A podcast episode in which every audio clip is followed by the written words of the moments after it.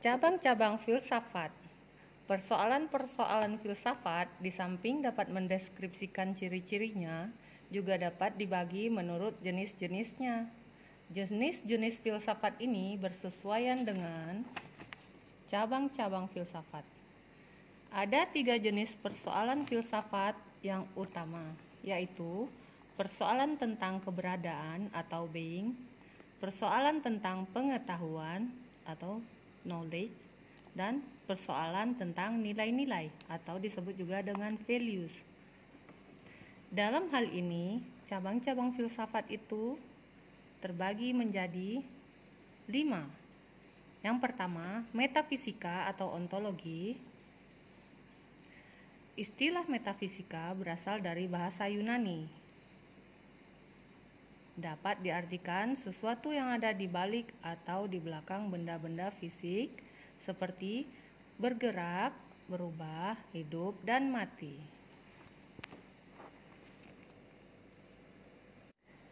Metafisika membahas masalah-masalah ontologi, kosmologi, dan antropologi.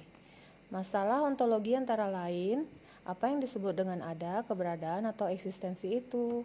Bagaimana penggolongan dari ada, keberadaan, atau eksistensi. Lalu kemudian, apa sifat dasar dari keberadaan atau kenyataan.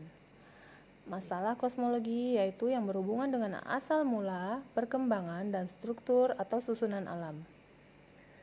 Masalah antropologi atau manusia antara lain bagaimana terjadi hubungan badan dengan jiwa, apa yang dimaksud dengan kesadaran, manusia sebagai makhluk bebas atau tidak. Terus yang kedua, masalah dari cabang dari filsafat itu yaitu epistemologi.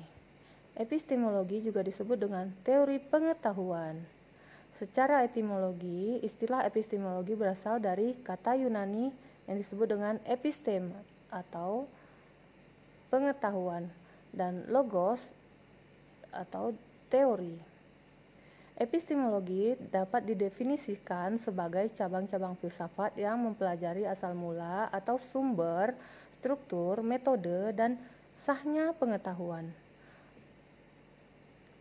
Yang ketiga, cabang dari filsafat yaitu logika atau disebut dengan aksiologi.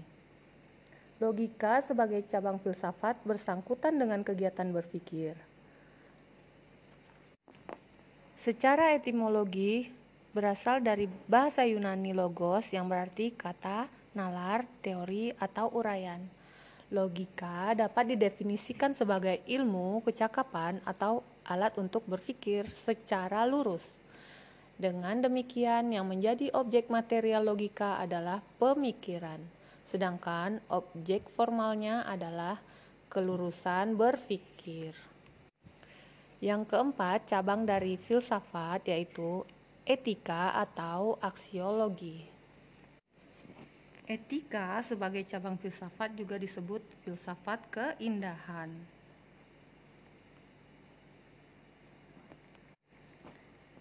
Kalau etika bertalian dengan nilai moral, sedangkan estetika bertalian dengan nilai bukan moral. Filsafat dapat dibagi menjadi empat bidang utama. Menurut Hammersma tahun 1981 halaman 14 sebagai berikut. Filsafat tentang pengetahuan terdiri dari epistemologi, logika, kritik ilmu-ilmu.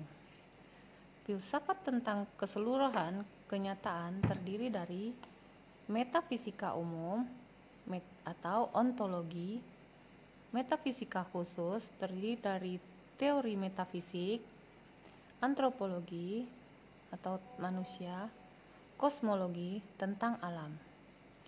Yang ketiga, filsafat tentang tindakan terdiri atas etika dan estetika. Yang keempat, sejarah filsafat. Menurut Delianggi tahun 1977 halaman 170, pembagian filsafat secara sistematis yang berlaku di dalam kurikulum akademis adalah Yang pertama, metafisika atau fisik, filsafat tentang hal yang ada. Yang kedua, epistemologi atau teori pengetahuan. Metodologi atau teori tentang metode. Logika atau teori tentang penyimpulan. Etika atau disebut juga dengan filsafat tentang pertimbangan moral. Estetika atau filsafat tentang keindahan. Dan yang terakhir, sejarah filsafat.